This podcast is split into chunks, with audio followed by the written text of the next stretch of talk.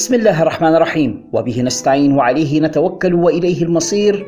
اللهم صل وسلم وبارك على سيدنا محمد وعلى آله وصحبه أجمعين. وبعد أعزائي المستمعين في كل مكان السلام عليكم ورحمة الله وبركاته واهلا وسهلا بكم إلى هذه الحلقة الأولى من بودكاست كتاب مفتوح. يأتيكم من استديوهات منزل المتواضع هنا في عنزاره بطرابلس الليبيه معكم محدثكم ذا بروف على الشريف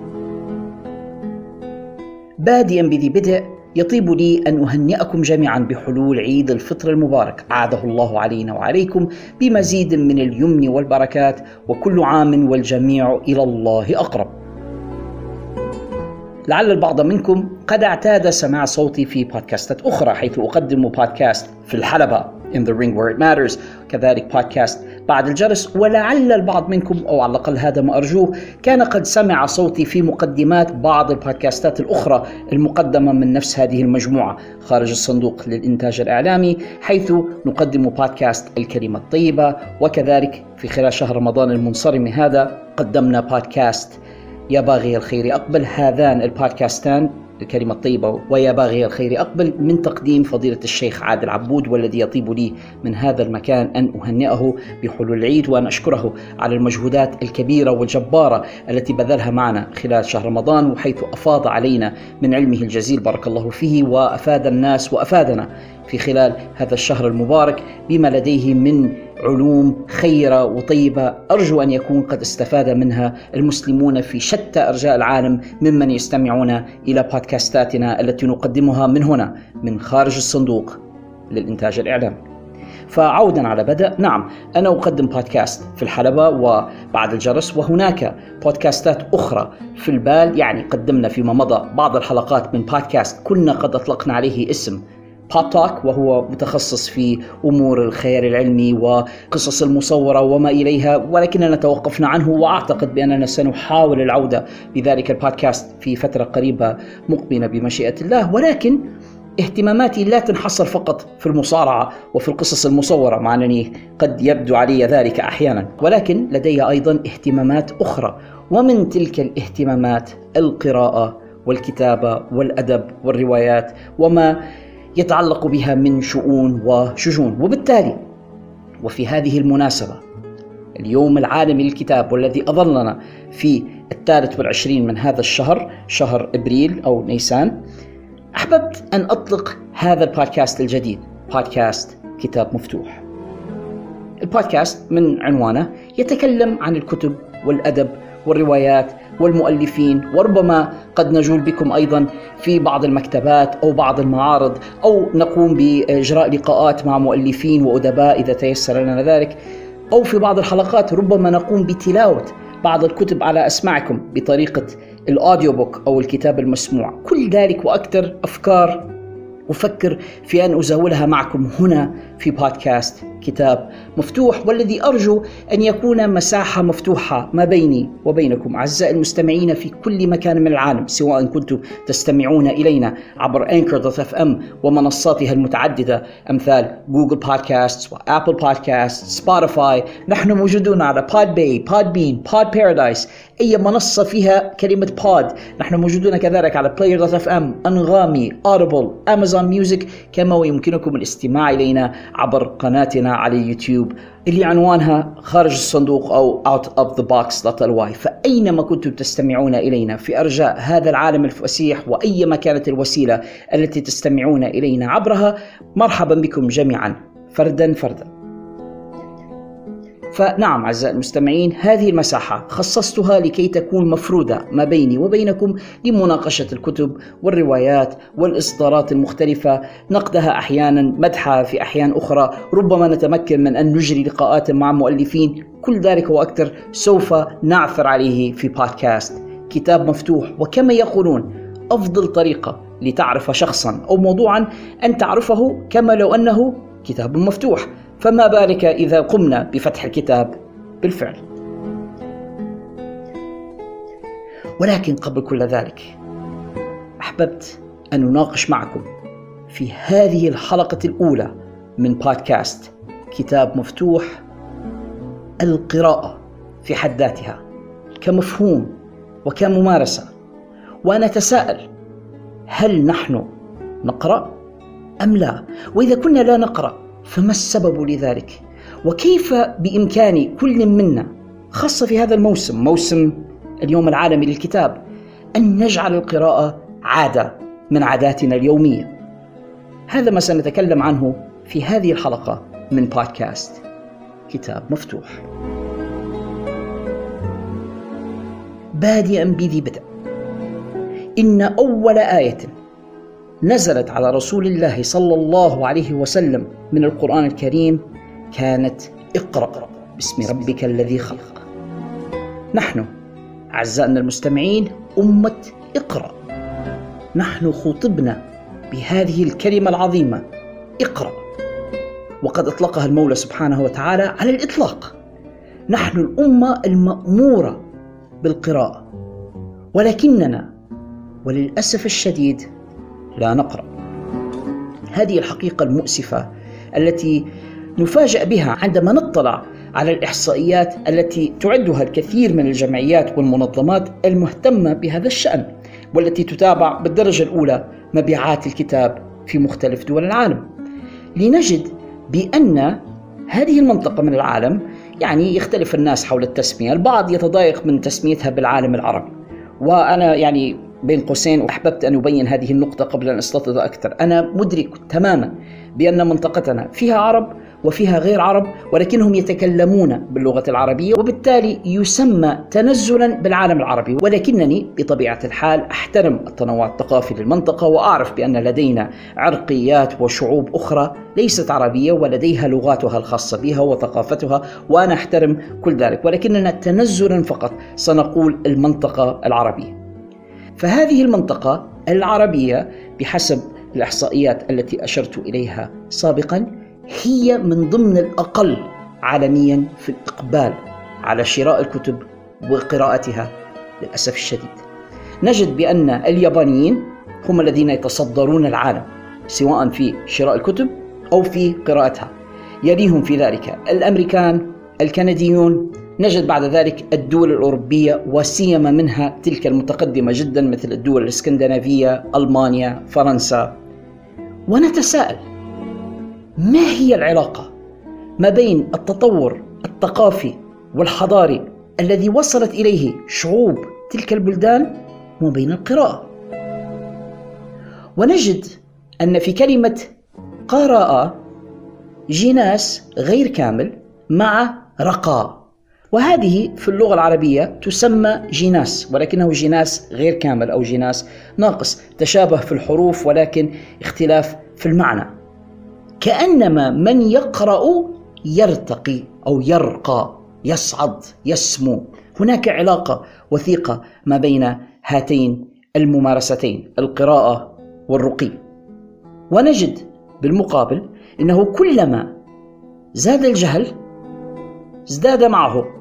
التخلف المرض الفقر الفساد المشاكل الأزمات القلاقل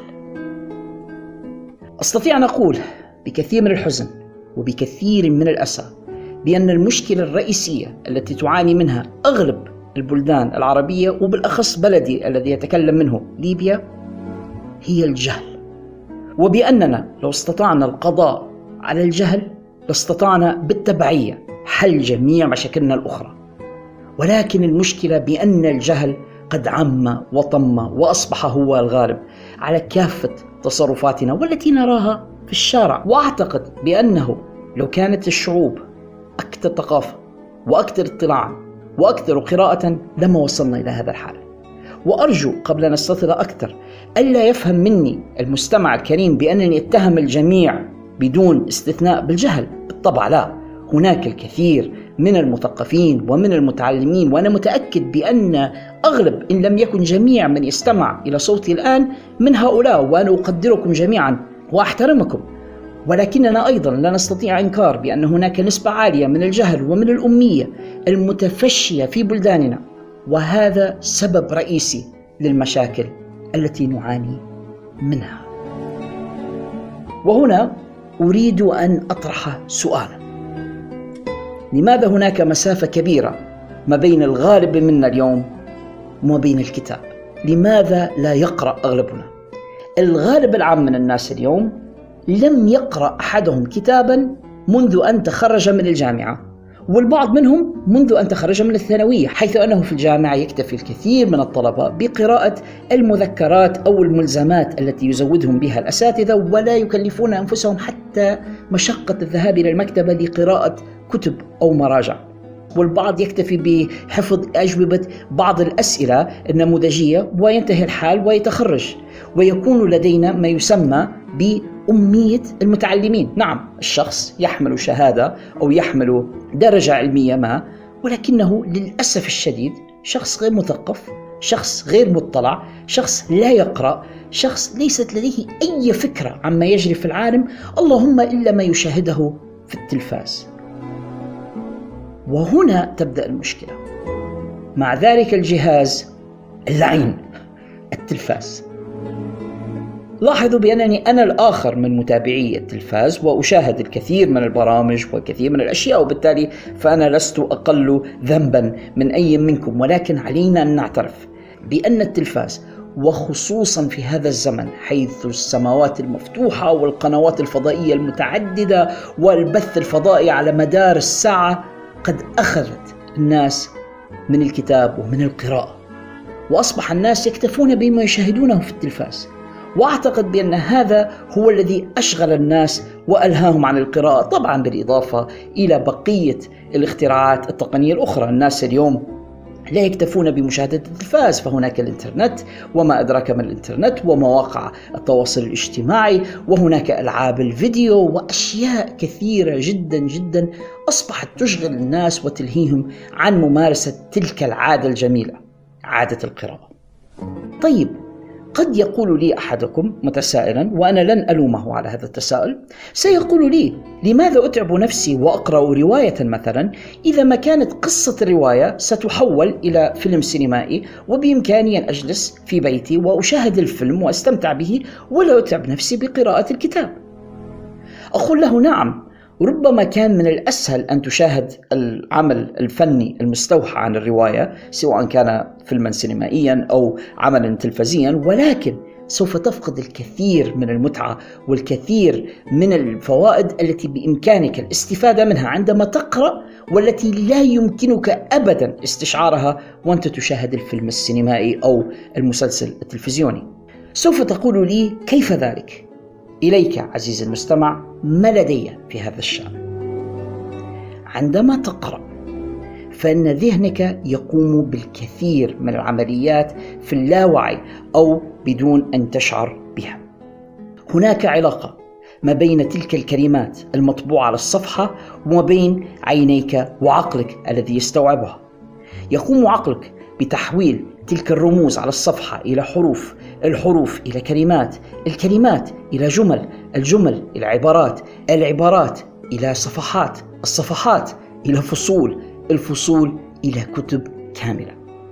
وخلال تلك العملية يقوم عقلك الباطن باستيعاب تلك الكلمات وتحويلها إلى صور في ذهنك حيث يشتغل اللاوعي الخاص بك في تحويل تلك الكلمات إلى صور في عقلك تتراءى لك فتتخيل أنت أحداث الرواية والقصة كما تريد أنت لا كما يريد مخرج العمل السينمائي أو التلفزيوني. أن تراه يمكنك أن تتخيل الشخصيات والأحداث والأماكن كما لو أنك أنت من ذهب إليها وليس كما يريها لك غيرك. عندما تشاهد عملا تلفزيونيا أو سينمائيا فأنت متلقي سلبي. عقلك لا يقوم بكل تلك العمليات. وهنا يمكنني تشبيه الأمر بالفرق ما بين أن تذهب إلى مكان ما على قدميك على سبيل المثال أو على متن الدراجة وبين أن تذهب إلى نفس المكان ولكن على متن سيارة أو حافلة. عندما تذهب إلى المكان مشيا على الأقدام فإنك تعايش ذلك المكان، تعيش تلك الرحلة، تبذل مجهودا في الوصول إليه ولكنك في الآن نفسه سوف ترى الأشياء ستسمع الأصوات ستشم الروائح ستختبر الأماكن سوف تكون جزءا من الحدث. هذا لا يتأتى لك عندما تذهب سريعا جدا على متن الحافلة أو على متن السيارة حيث تمر بالأشياء بسرعة دون أن تلتقطها عيناك ودون أن تعيشها. يمكنك أحيانا أن تذهب إلى نفس المكان يوميا. ذهابا وايابا وتمر من نفس الشوارع ونفس المحلات دون أن تعرفها قط لأنك تذهب في السيارة وتعود في السيارة. لن يكون ذلك الحال عندما تذهب مشيا على الأقدام وتنشأ ما بينك وما بين تلك الأماكن حميمية وألفة. هذا ما يحصل عندما تقرأ الكتاب. أنت تعيش الحدث بنفسك، أنت تصبح جزءا من تلك الأحداث، تستوعبها بطريقة لا يمكنك استيعابها لو أنك اكتفيت بمشاهدتها في فيلم أو في مسلسل. أحيانا مشهد في رواية يستغرق عدة صفحات لقراءتها. تلك الصفحات وأنت تقرأها تتعلم كلمات جديدة، تطلع على تهجئة واملاء تلك الكلمات، تستمتع باسلوب الأديب والكاتب في وصفها، هذا كله لا يتأتى لك عندما يتم تصوير المشهد في بضع ثواني أثناء فيلم أو مسلسل. وهنا نرى فائدة أخرى للقراءة حيث نجد بأن أغلب الناس الذين اعتادوا على القراءة أقوياء جدا في اللغة وفي الكتابة وفي التهجئة وفي الإملاء ولا يرتكبون أخطاء إملائية أو أغلاط ونجد بأن لديهم أسلوبا جيدا للغاية في الكتابة وفي التعبير. هذا الذي يفتقد إليه أي شخص لا يقرأ. وبإمكانك بسهولة أن ترى ذلك الآن في منشورات الناس على ال social media أو في وسائل التواصل الاجتماعي. نجد الكثير من الأغلاط الإملائية التي سببها الرئيسي أن الناس ثقافتهم سمعية بصراحة. هم سمعوا هذه الكلمات ولكنهم لا يعرفون تهجئتها لأنهم لم يروها مكتوبة قط فهو يستمع إلى المذيع يقول كلمة ما ويحاول ويجتهد في كتابتها ولكنه سوف يكتبها خطأ لأنه لم يقرأها قط. هذا لا يحصل للقارئ. القارئ دائما يجيد الكتابة يحسن التعبير عن أفكاره بشكل جيد وهذه فائدة كبيرة جدا لك حتى في الأعمال والوظائف حيث سوف يطلب منك في وظيفتك أن تكتب تقريرا أو تكتب رسالة إلى مديرك من أجل أن تطلب علاوة على سبيل المثال أو أن تشتكي من مشكلة ما. كلما كان أسلوبك في الكتابة جيدا كلما كانت فرصتك أكبر في نيل تلك العلاوة التي تريد المطالبة بها عبر تلك الرسالة. تخيل أن تكتب رسالة إلى مديرك وهي مليئة بالأخطاء الإملائية والنحوية. سوف ينظر إلى الرسالة بكثير من الاستهزاء وربما تتغير وجهة نظره فيك عندما يجدها مليئة بكل تلك الأغلاط. وبالتالي فإن القراءة مفيدة جدا. في هذه الناحية تقوية الأسلوب والقدرة على الكتابة. كذلك عندما نقرأ فإننا نتعلم الكثير من المعلومات التي ربما لا يتأتى لنا تعلمها من خلال الأفلام والمسلسلات. سوف أعطيكم مثلا أحد الأدباء الرائعين والذين بصراحة استمتع كثيرا بقراءة أعمالهم اسمه دان براون وهو مؤلف أمريكي يحب دوما أن يمزج ما بين معلومات كثيرة جدا عن الفنون والتاريخ والعلوم المختلفة ويضعها ضمن سياق قصص بوليسية. عندما تلتقط إحدى روايات دان براون من على أرفف المكتبة سوف تجدها من مئات الصفحات فهي مضخمة بالكثير من المعلومات والأخبار. عندما تم تحويل بعض أعمال دان براون إلى أفلام سينمائية تم اجتزاء الكثير من تلك المعلومات من العمل السينمائي بكل بساطة لدواعي الوقت لأنهم لا يستطيعون وضع رواية من 500 صفحة ضمن فيلم سينمائي مدته ساعتان أو ساعتان وبعض الساعة وبالتالي يتم تلخيص واجتزاء الكثير من الأشياء الأشياء التي يمكنك فعلا الاستفادة منها عندما تقرأ. وتلك المعلومات عندما تقرأها تظل مخزنة في ذاكرتك. وأحيانا عندما لا تكون متوقعا ذلك حتى تجد بأن تلك المعلومة قد تستفيد منها في موقف من المواقف. يعني لا تدري متى يسألك مذيع في الشارع مثلا سؤال مسابقة فتجد نفسك جاهزا بالمعلومة لأنك قد قرأتها في مكان ما. لا يهم المكان الذي تقرأه فيه ولكن المهم أن المعلومة موجودة داخل عقلك وبإمكانك استدعائها في لحظة من اللحظات لتجدها حاضرة على لسانك وربما تفوز بجائزة ما. أتذكر بهذه المناسبة أحد الأصدقاء الذي كان يحاول في يوم من الأيام معاندتي حول هذا الشأن وقال لي بأن الإنسان لا يتحصل على ثقافة من قراءة الروايات وهو بذلك كان يريد معايرتي لأنني من محبي قراءة الروايات ولم يدري هذا الصديق بين قوسين أضعها لم يدري بأن عبقريا مثل ألبرت أينشتاين على سبيل المثال لم يكن يقرأ إلا الروايات البوليسية. برغم أنه كان عبقريا في علوم الفيزياء إلا أنه في أوقات فراغه كان يستمتع بقراءة الثريلرز أو قصص الإثارة والتشويق والقصص البوليسية. لم يتهم أحد أينشتاين بأنه غير مثقف. فليس المهم أين تعثر على المعلومة ولكن المهم أن المعلومة موجودة ضمن الكتاب الذي تقرأه سواء كان أحد المعاجم أو كان مجلة من مجلات ميكي. المهم أن تقرأ المعلومة وأن تستفيد منها. أعتقد بأن أحد المشاكل التي تواجه الكثير من الناس أنهم لم يعتادوا على القراءة منذ الطفولة وهذه مشكلة كبيرة. شخصيا أنا أدين بالفضل في هذا الموضوع بالدرجة الأولى إلى والدي وبالأخص إلى أمي. أمي عودتني منذ الطفولة المبكرة أن تقرأ لي قبل النوم. وعندما كبرت قليلا بدأت أنا أنتزع الكتاب من بين يديها وأحاول أن أقرأه بنفسي. وعندما تعلمت أن أقرأ أصبحت هذه عادة أن أقرأ ولو بضع صفحات قبل النوم. وبعد ذلك أصبحت هذه عادة لم أستطيع الانفكاك عنها، يعني أنا شخصيا لا أنام قبل أن أن أقرأ ولو قليلا، ولا بد أن يكون بجوار فراشي حيث أنام كتاب ما أقرأ فيه كل ليلة، وأضع علامة عند الصفحة التي توقفت عندها، ثم أعود في الليلة التالية لمواصلة الكتاب، وهذه فائدة أخرى لا يمكنك الحصول عليها مع الوسائل التقنية، تلك العلاقة الحميمة ما بين الكتاب وما بين القارئ. الكتاب الذي ينتظرك وعندما تقفله ثم تعود إليه تجده بانتظارك. يمكنك أن تواصل معه الرحلة وتواصل معه المغامرة. لا نتحصل على ذلك كثيرا مع الوسائل التقنية المعاصرة. خلال تلك الفترة المظلمة التي عانينا فيها هنا في ليبيا بصفة عامة وفي مدينة طرابلس بصفة خاصة من انقطاعات الكهرباء لساعات طويلة جدا وما دمنا جبنا السيرة يعني فأحمد الله سبحانه وتعالى بأن الوضع الكهربائي هنا آخذ في التحسن والحمد لله على ذلك وأشكر القائمين على هذا الجهد وأشد على أيديهم وأشكرهم على الجهود الكبيرة المبذولة. ولكن لسنوات عدة عانينا لساعات طويلة جدا بشكل يومي من انقطاع الكهرباء.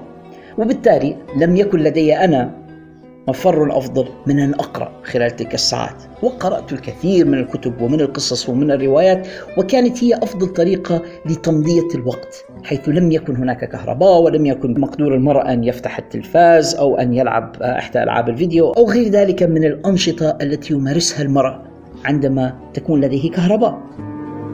بإمكانك أن تضع كتاب صغير كتاب جيب معك عندما تمتطي متن الحافلة أو الطائرة أو وأنت تنتظر حافلتك أو في أي مكان. بإمكانك أن تقرأ.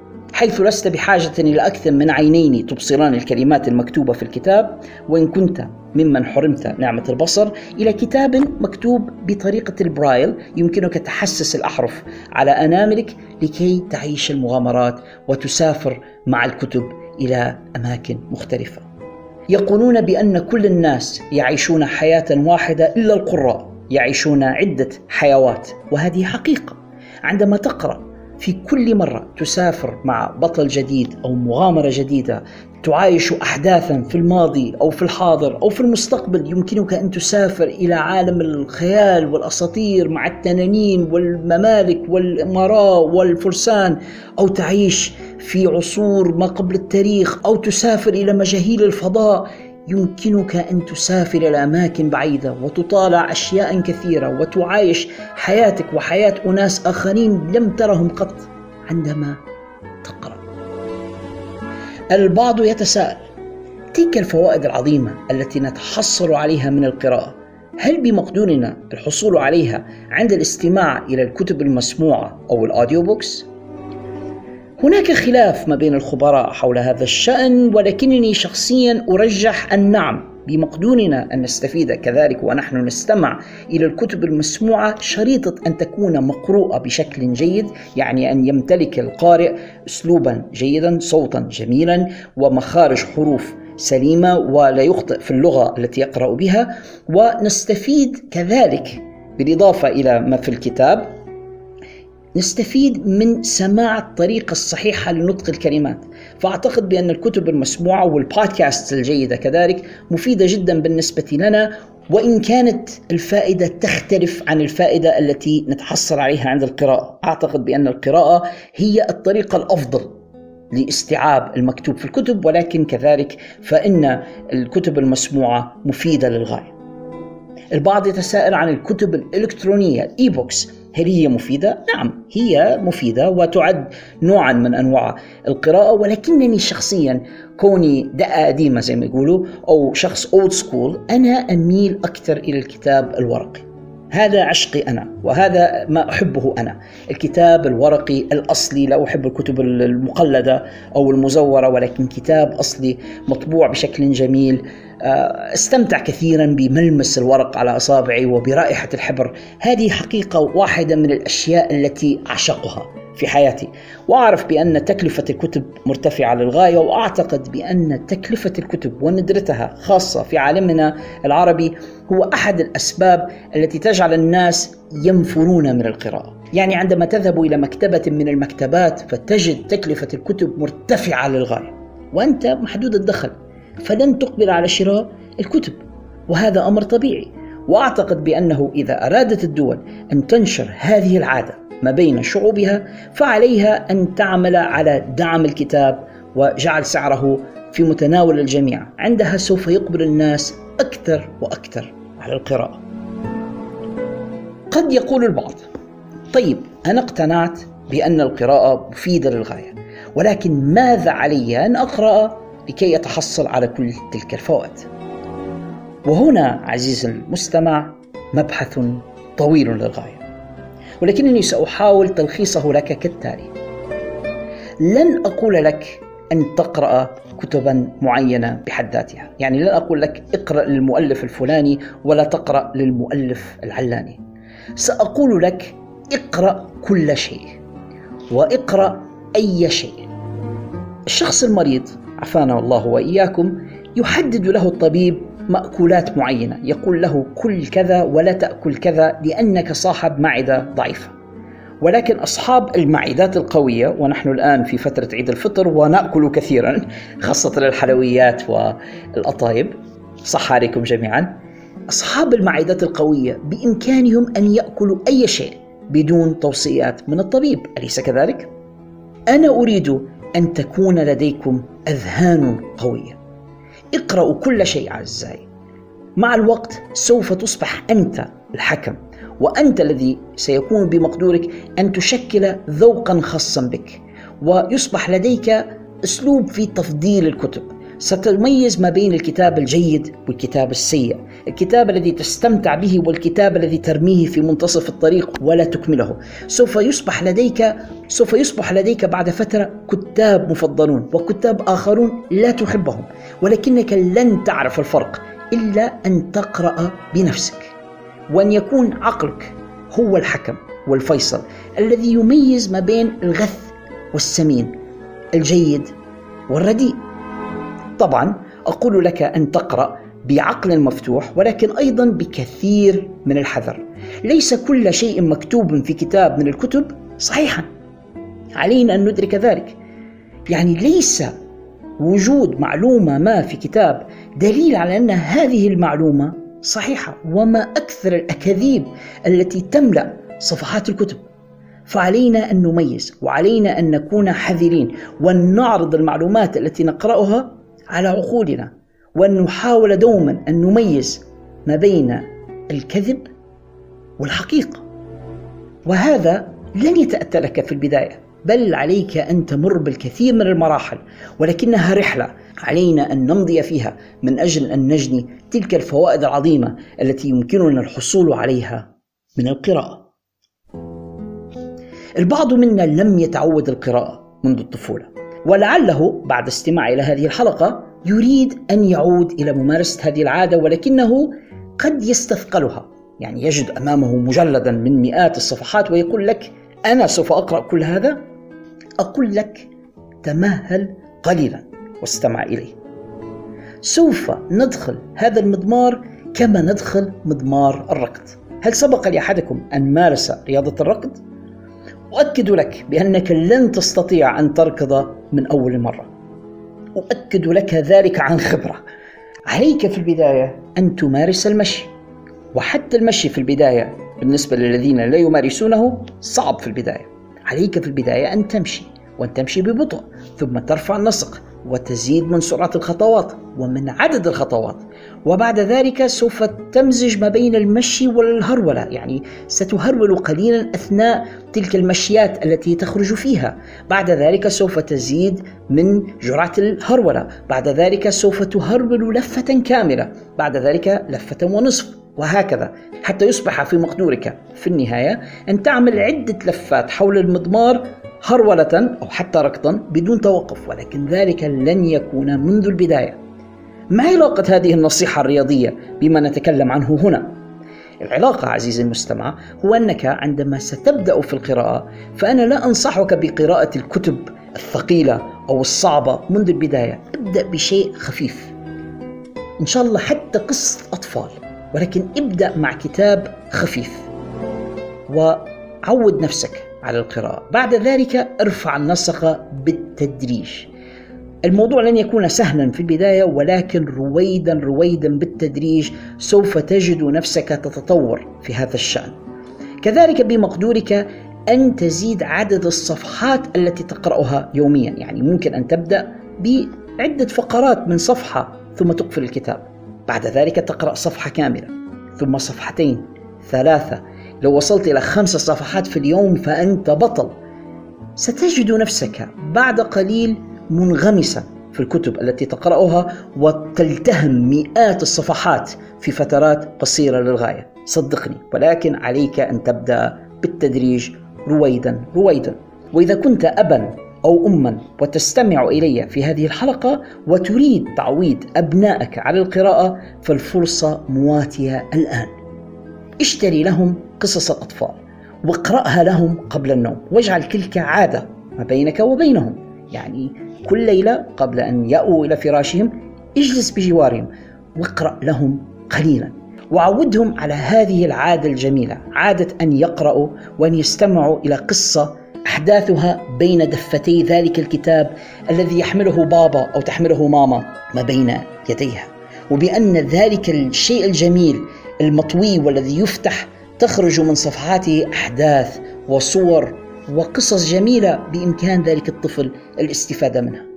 صدقني عزيزي المستمع بعد فترة قصيرة للغاية سوف يصبح ابنك أو ابنتك الذي أو التي يستمعون إلى هذه القصص سوف يصبحون محبين للقراءة وسوف يمارسون هم هذه العادة عندما يكبرون. ومن الفوائد العظيمة جدا للقراءة بالنسبة للأطفال الذين عودوا أنفسهم على قراءة الكتب منذ الصغر إنهم عندما يدخلون إلى الجامعة ويتطلب الأمر بالفعل أن يذهبوا إلى المكتبة وأن يستعيروا بعض المراجع ويقرؤوها سوف يصبح ذلك سهلا للغاية بالنسبة لهم. خلاف الأطفال الذين لم يقرأوا في طفولتهم وبالتالي سوف تلاحظ أيها الأب وأيتها الأم سوف تلاحظان الفائدة العظيمة على أبنائكم الذين سوف يذهبون إلى المكتبة ويستعيروا يستعيرون الكتب ويجدون سهولة كبيرة جدا في التعامل معها مما سيميزهم عن أقرانهم الذين لا يقرؤون. ولكي نزيل معا أعزائنا المستمعين صورة ذهنية ارتسمت في أذهان الكثير من الناس للشخص المثقف أو الشخص القارئ. بأنه شخص منطوي ومنعزل يرتدي نظارة ويجلس في الركن ويقرأ كتابه وغالبا ما يتعرض للسخرية من الآخرين وبأنه نيرد أو بأنه يعني تعرفون تلك الصورة النمطية التي نراها كثيرا في الأفلام وفي الأعمال الفنية بين قوسين. أقول لكم بأن هذا غير صحيح على الإطلاق. أغلب العباقرة والأذكياء والقادة الذين يقودون العالم اليوم هم من القراء وتجدون بأن الصفة المميزة لأغلب أصحاب المليارات في العالم اليوم أنهم يقرؤون وأن القراءة عادة يومية بالنسبة لهم. يعني أولئك المليارديرية والأثرياء المشهورين الذين تستمعون بهم كل يوم هؤلاء يقرؤون. فلا تصدق تلك الصورة النمطية المصورة للناس المثقفين في الأفلام بأن القارئ عبارة عن لوزر أو شخص خاسر. بالعكس القارئ هو الشخص الرابح والشخص الذي يقرأ هو الذي سوف يربح في السباق. قيل إياك والاستهانة برجل يقرأ. يمكننا أن نقول أيضا بامرأة تقرأ. إياك والاستهانة بهؤلاء. الشخص القارئ دائما سيكون هو الفائز وأعود إلى ما قلناه في بداية هذه الحلقة أعزائي المستمعين بأن تلك الشعوب المتطورة والمتقدمة والتي وصلت إلى الفضاء والتي حلت الكثير من مشاكلها التقنية على الأقل هم شعوب يقرؤون. وفي المقابل فإن أغلب الشعوب التي لديهم مشاكل حقيقية في التنمية في الصحة غير ذلك من المجالات السبب الرئيسي لكل ذلك أنهم شعوب لا تقرأ. يصل الأمر إلى أن البعض لا يقرأ تلك اللافتات البسيطة المكتوبة على أبواب المحلات مقفل مفتوح ممنوع الوقوف غير ذلك من الأشياء لا يقرؤونها وبالتالي تحصل الكثير من الفوضى في بلداننا. فعلينا أن نقرأ وأن نعود إلى هذه العادة الجميلة والممتعة والمفيدة.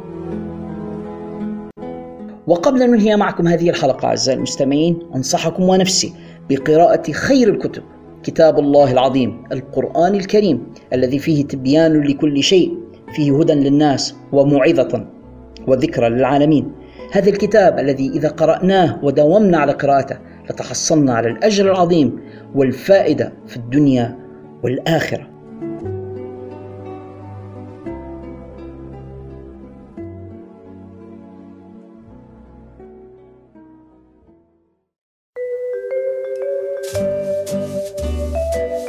أتمنى أن تكون هذه الحلقة الأولى من بودكاست كتاب المفتوح قد نالت رضاكم واستحسانكم أعزائي المستمعين.